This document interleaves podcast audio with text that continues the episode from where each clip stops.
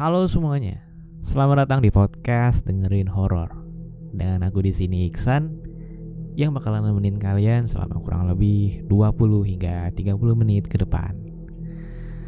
Uh, di tempatku, daerah Batam, khususnya Kepulauan Riau. Sorry kebalik ya. Daerah Kepulauan Riau, khususnya Pulau Batam. Uh, mulai tanggal berapa aku kurang tahu tepatnya uh, sudah diberlakukan PPKM di mana ada pembatasan kegiatan mikro dan aku ngerasa kalau memang ada yang berubah di Batam gitu mulai dari uh, volume kendaraan yang udah mulai mengurang gitu kan. Tadi malam aku uh, pulang dari rapat Hima Prodi dan jam 11 malam itu udah sepi banget ya. Biasanya Batam tuh masih ramai jam segitu dan sorenya aku juga berangkat ke, ke tempat rapat itu juga udah sepi men. Termasuk pasar ya pasar juga udah sepi banget gitu kan karena udah diberlakukan ppkm tadi gitu kan udah ada banyak petugas di mana-mana juga uh, prokes di mana-mana gitu kan. Salut sama pemerintah yang mulai serius uh, untuk menangani kasus corona ini. Dan semoga teman-teman di luar sana uh, dapat menjaga dirinya ya. Stay safe teman-teman. Jangan lupa buat prokesnya diketatin mulai dari kata pemerintah double double masker ya. Karena udah ada virus uh, varian delta katanya. Masih ditunggu ya virus varian Oreo-nya. Anyway ngomongin pasar uh, di episode kali ini aku bakalan ngebahas sebuah trade tentang pasar juga tapi karena ini adalah tapi karena ini adalah channel horor jadi kita bukan ngomongin pasar seperti biasa tapi kita ngomongin pasar setan pasar goib. Iya pasar goib gitu. Oke jadi cerita ini dibawakan oleh akun Twitter @cerita underscore setan ya. Terima kasih akun Twitter @cerita underscore setan. Kalian bisa follow Twitternya untuk cerita-cerita horor yang lebih seru lainnya. Oke, judulnya adalah Pasar Setan. Kita mulai. Cerita malam ini ditulis oleh Mbak Win selaku autor komunitas pena hitam. Halo Mbak Win, terima kasih. Tentunya sudah mendapatkan izin untuk saya bagikan di sini. Oke, namaku Suryo. Aku memiliki sebuah kisah mistis yang tak terlupakan seumur hidup. Kisah itu terjadi saat aku berusia 22 tahun. Aku terlahir di tanah Jawa, namun aku menghabiskan masa kecil hingga pendidikan SMU di wilayah Sumatera. Selepas SMU atau kita bisa sebut SMA ya, aku memutuskan untuk melanjutkan jenjang pendidikan di tanah kelahiranku di wilayah Jawa, yaitu Solo. Walaupun aku memiliki daerah asli suku Jawa, tetapi kenyataannya aku tidak begitu memiliki pemahaman tentang budaya dan adat istiadat nenek moyangku. Suatu hari, Pak Deku yaitu kakak dari ibuku akan mengadakan hajatan ngunduh, ngunduh mantu anak tertuanya. Dan untuk keperluan itu, aku harus menginap di tempat saudara sepupu di wilayah Magetan, Jawa Timur. Hal biasa bagi kami jika ada kerabat yang hendak mengadakan hajatan maka kami akan membantunya, mulai dari persiapan hingga acara usai. Sifat gotong royong begitu lekat mendarah daging merupakan warisan leluhur yang masih berlangsung hingga saat ini. Awalnya, aku berencana berangkat menuju ke wilayah Cemoro Sewu dengan mengendarai mobil bersama orang tua dan kerabat yang lain. Sayangnya jam kuliah hari itu begitu padat sehingga aku memutuskan untuk berangkat seorang diri menyusul rombongan lainnya yang terlebih dahulu berangkat. Aku mengendarai sepeda motor seorang diri menyusuri jalan berbukit selama kurang lebih dua jam. Menjelang maghrib, aku tiba di Cemoro Sewu. Konyolnya, mendekati gerbang pintu Cemoro Sewu, aku justru merasa ingin buang air kecil. Akan tetapi, Karena tidak menemukan kamar mandi, aku pun terpaksa buang air kecil di tepi jalan, di balik pohon rindang yang tinggi. Setelah selesai melepaskan hajat, akhirnya aku melanjutkan lagi perjalanan. Namun, entah apa yang terjadi, selama hampir satu jam berkendara, aku seperti berputar-putar pada tempat yang sama. Kepanikan mulai melandaku karena hari mulai gelap dan di jalur ini tidak ada pengendara lain yang lalu lalang. Sepi terasa mencekam. Dari ketinggian jalan yang kulewati, aku bisa melihat kota lain yang diterangi lampu berkedip indah di bawah sana. Setelah berputar-putar beberapa kali, aku merasa lelah dan frustasi. Kemudian memutuskan untuk berhenti di sebuah rumah kayu milik warga yang sudah tak berpenghuni sambil menunggu barangkali akan ada pengendara lain yang melintas. Rasa letih dan lelah membuatku kantuk. Berbantal ransel dan jaket seadanya aku baringkan badanku pada dipan bambu rumah kosong. Aku tak tahu berapa lama tertidur. Tiba-tiba gendang telingaku mendengarkan suara bising orang-orang yang berseliweran. Aku terbangun membuka mata Tempat ini begitu ramai bagai sebuah pasar. Bocah-bocah kecil berlarian dan beberapa orang dewasa sibuk tawar-menawar barang dagangan seperti layaknya di pasar. Aku senang karena tak lagi kesepian. Aku bangkit dan berjalan mengelilingi pasar tradisional tersebut. Aneka macam jajanan dan kebutuhan dijual di sini. Penciumanku mengendus aroma lezat sebuah masakan. Aku berjalan terus mencari sumber bau yang membuat perutku mendadak lapar. Sate, sate, sate. Teriak perempuan separuh baya menawarkan dagangannya pada orang yang lalu lalang.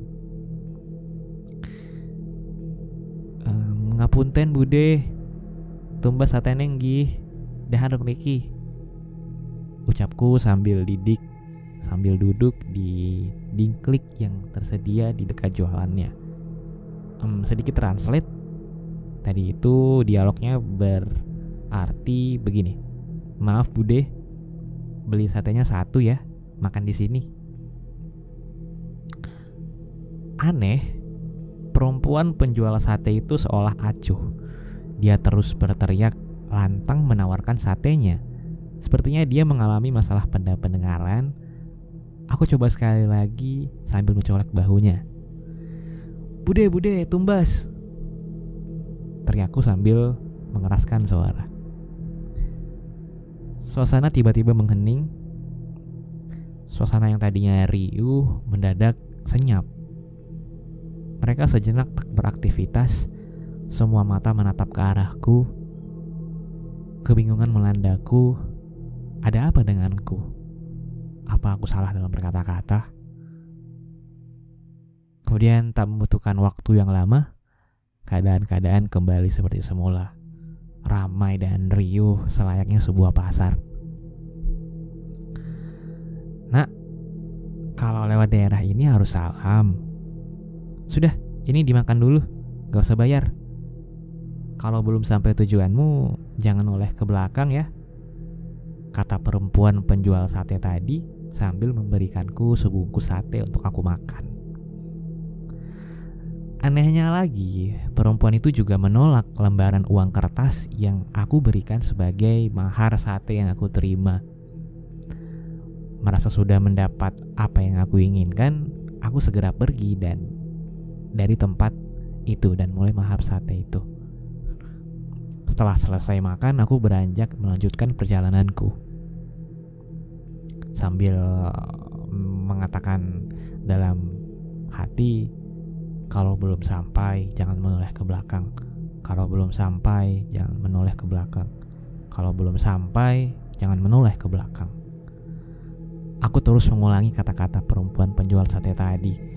Semakin kata-kata itu kuulangi semakin perkataan itu mengusikku, memunculkan sensasi rasa penasaran pada diriku, memaksaku untuk menoleh ke belakang pada lokasi pasar yang baru aku tinggalkan.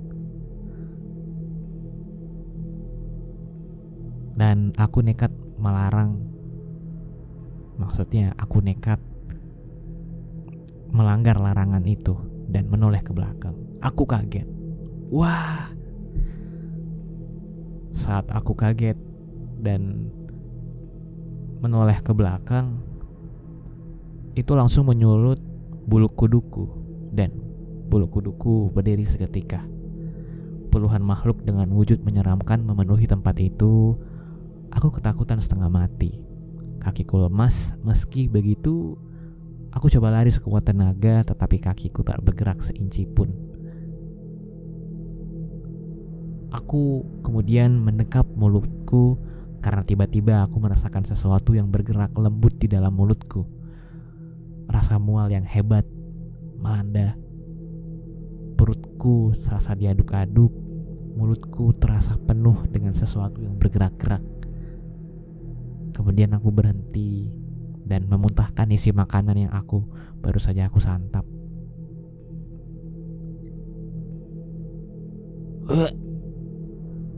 Kulepaskan dekapan tangan di mulutku seketika isi dari mulutku keluar semua. Ternyata belatung-belatung menjijikkan yang keluar dari mulutku dan terjatuh di tanah.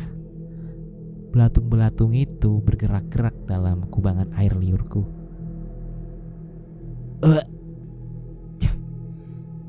Aku membersihkan sisa-sisa belatung di mulutku dengan memuntahkan berkali-kali. Saat aku melihat bungkusan daun pisang yang berisi sate tadi, ternyata telah berubah menjadi belatung dan daging busuk, lembek dan menghitam. Aku terperanjat menyaksikan semua pemandangan tadi.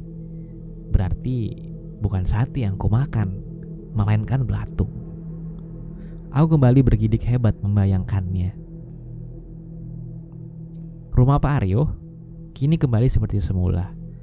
Tidak terlalu ramai seperti dua hari yang lalu saat acara ngunduh mantu berlangsung. Terlihat beberapa tetangga yang membantu Pak Aryo membereskan peralatan dan perlengkapan sisa-sisa hajatan. Sementara itu, dalam rumah Pak Aryo, keluarga besar mereka sedang berkumpul. Di sudut ruangan, Ibu Asih, Ibu Suryo, duduk terpekur memandangi lantai dengan tatapan kosong. Di sampingnya, Ayah Suryo, Pak Iwan, berusaha menghibur Ibu Asih agar beliau tidak panik. Pak, Suryo sudah empat hari berangkat ke sini kok belum sampai juga. HP-nya mati nggak bisa dihubungi. Aku takut terjadi sesuatu dengan Suryo. Tangis Ibu Asi pecah. Air matanya mengalir deras. Sabar, Bu. Insya Allah, Suryo baik-baik saja. Toh kita juga sudah melaporkan kehilangannya kepada pihak berwajib, Bu. Aku takut, Pak. Anak kita, Suryo. Bu Asi tak mampu meneruskan kata-katanya. Hanya tangisnya yang terdengar. Suryo, kemarilah. Ikut denganku. Aku akan menunjukkan jalan pulang padamu. Ujar sosok kakek tua yang tiba-tiba sudah berada di samping Suryo yang lemas kehabisan tenaga yang tadi memuntahkan belatung yang ada di mulutnya. Ingat Suryo, saat berjalan pulang jangan sesekali menoleh ke belakang. Apa pun yang kamu dengar, apa pun yang kamu lihat dan apa pun yang kamu rasakan. Abaikan. Kakek siapa? Sang kakek pun tersenyum tanpa menjawab sepatah kata pun pertanyaan Suryo. Sembari menepuk pundak Suryo, kakek tersebut membantu Suryo untuk berdiri. Suryo mengikuti langkah kakek yang walaupun usia telah lanjut, namun masih terlihat gagah saat berjalan. Malam semakin pekat. Di samping kanan kiri jalan mereka dipenuhi pohon-pohon yang tinggi dan rimbun. Suara binatang liar yang terkadang sesekali muncul menimbulkan aura mistis yang membuatku merinding tiada berkesudahan. Hihihihi. Suara cekikan muncul di antara rimbunan pohon. Saat aku menoleh ke samping, kulihat sosok kuntilanak duduk di atas pohon sambil tertawa cekikikan. Lututku tak terasa bertulang. Serasa tak sanggup aku meneruskan langkahku. Ingat Suryo, apa pun yang terjadi, jangan menoleh ke belakang. Terus berjalan, abaikan semuanya. I iya kek, jawab Suryo terbata-bata. Tiba-tiba, Suryo merasakan pundaknya ditepuk oleh seseorang. Tangan yang menepuknya terasa dingin, sedingin es. Cukup lama tangan itu mencengkram pundak Suryo. Namun, saat ia menoleh ke belakang, tangan yang dingin itu ternyata adalah mantan gebetannya yang cuek sekali. Enggak, enggak. Maksudku, Suryo tidak berani menatap ke belakang. Enggak, enggak. Dia ingat perkataan kakek tadi. Dia tidak bakal melihat ke belakang. Oke? Tidak ada. Walau ketakutan setengah mati, Suryo bertahan untuk tidak menoleh sesuai pesan si kakek. Tiba-tiba angin berhembus secara kencang dari arah belakang Suryo, membuat Suryo sedikit terhuyung ke depan Suara langkah kaki mengikuti langkah Suryo. Suryo. Seseorang memanggil Suryo diiringi dengusan nafas tak beraturan. Suryo. Spontan Suryo menoleh ke belakang. Nah, siapa itu? Suryo terkejut dan berteriak saat dia menoleh. Dia melihat sosok laki-laki yang berjalan tanpa kepalanya. Sementara tangannya yang sebelah kiri seperti menenteng sesuatu. Di tengah ketakutannya, Suryo mengamati benda yang ditenteng laki-laki itu. Saat dia melihat dengan seksama, ternyata benda itu adalah kepala manusia. Sekilas, saat dia beradu pandang dengan mata kepala manusia itu, matanya merah dan tiba-tiba senyum seramnya muncul saat menatap Suryo. Suryo berteriak sekuat tenaga saat ia mencari kakek yang menuntunnya. Kakek itu sudah tidak terlihat lagi. Suryo, Suryo, Suryo. Suara-suara itu memanggilnya tiada henti. Kemudian suara angin pun kencang disertai kelebatan sosok-sosok menyeramkan berputar mengelilinginya. Pruk. Suryo jatuh. Lungulai. Pandangannya menjadi gelap gulita, sunyi dan senyap. Dia ambruk ke tanah. Permisi. Benarkah ini rumah Suryo? Putra dari Bapak Irwan? Beberapa petugas kepolisian sudah berdiri di depan pintu rumah keluarga Suryo tadi. Nah, benar pak, Suryo anak kami, dia sudah dua minggu pergi dari rumah. Kami takut terjadi apa-apa dengannya. Maaf Pak Iwan, kami ingin memberitahukan berita tentang Suryo, anak bapak sudah ditemukan di sebuah jurang. Alhamdulillah anak bapak sudah bisa kami evakuasi sekarang Suryo berada di rumah sakit. Kondisinya memprihatinkan. Semoga Suryo bisa selamat ya, Pak. Bapak berdoa saja. Ayo, Pak. Kita ke rumah sakit. Kita cari Suryo. Pak Iwan dan Bu Asih menuju rumah sakit tempat Suryo dirawat. Hanya saja setibanya di rumah sakit, Suryo terlihat linglung tak mengenali mereka. Butuh waktu dua bulan mengobati Suryo ke orang pintar hingga Suryo bisa pulih seperti sedia kala. Selesai. Baik teman-teman, itu saja dari aku Iksan. Um, terima kasih sudah mendengarkan sampai habis. Jangan lupa buat share ke teman-temannya dan subscribe channel podcast dengerin horor baik itu di Spotify dan Apple Podcast. Buat yang di Apple Podcast, Jangan lupa buat kasih reviewnya, uh, kritik dan saran sangat aku terima. Oke, itu saja dari aku. Terima kasih, sampai jumpa lagi di episode berikutnya. Bye.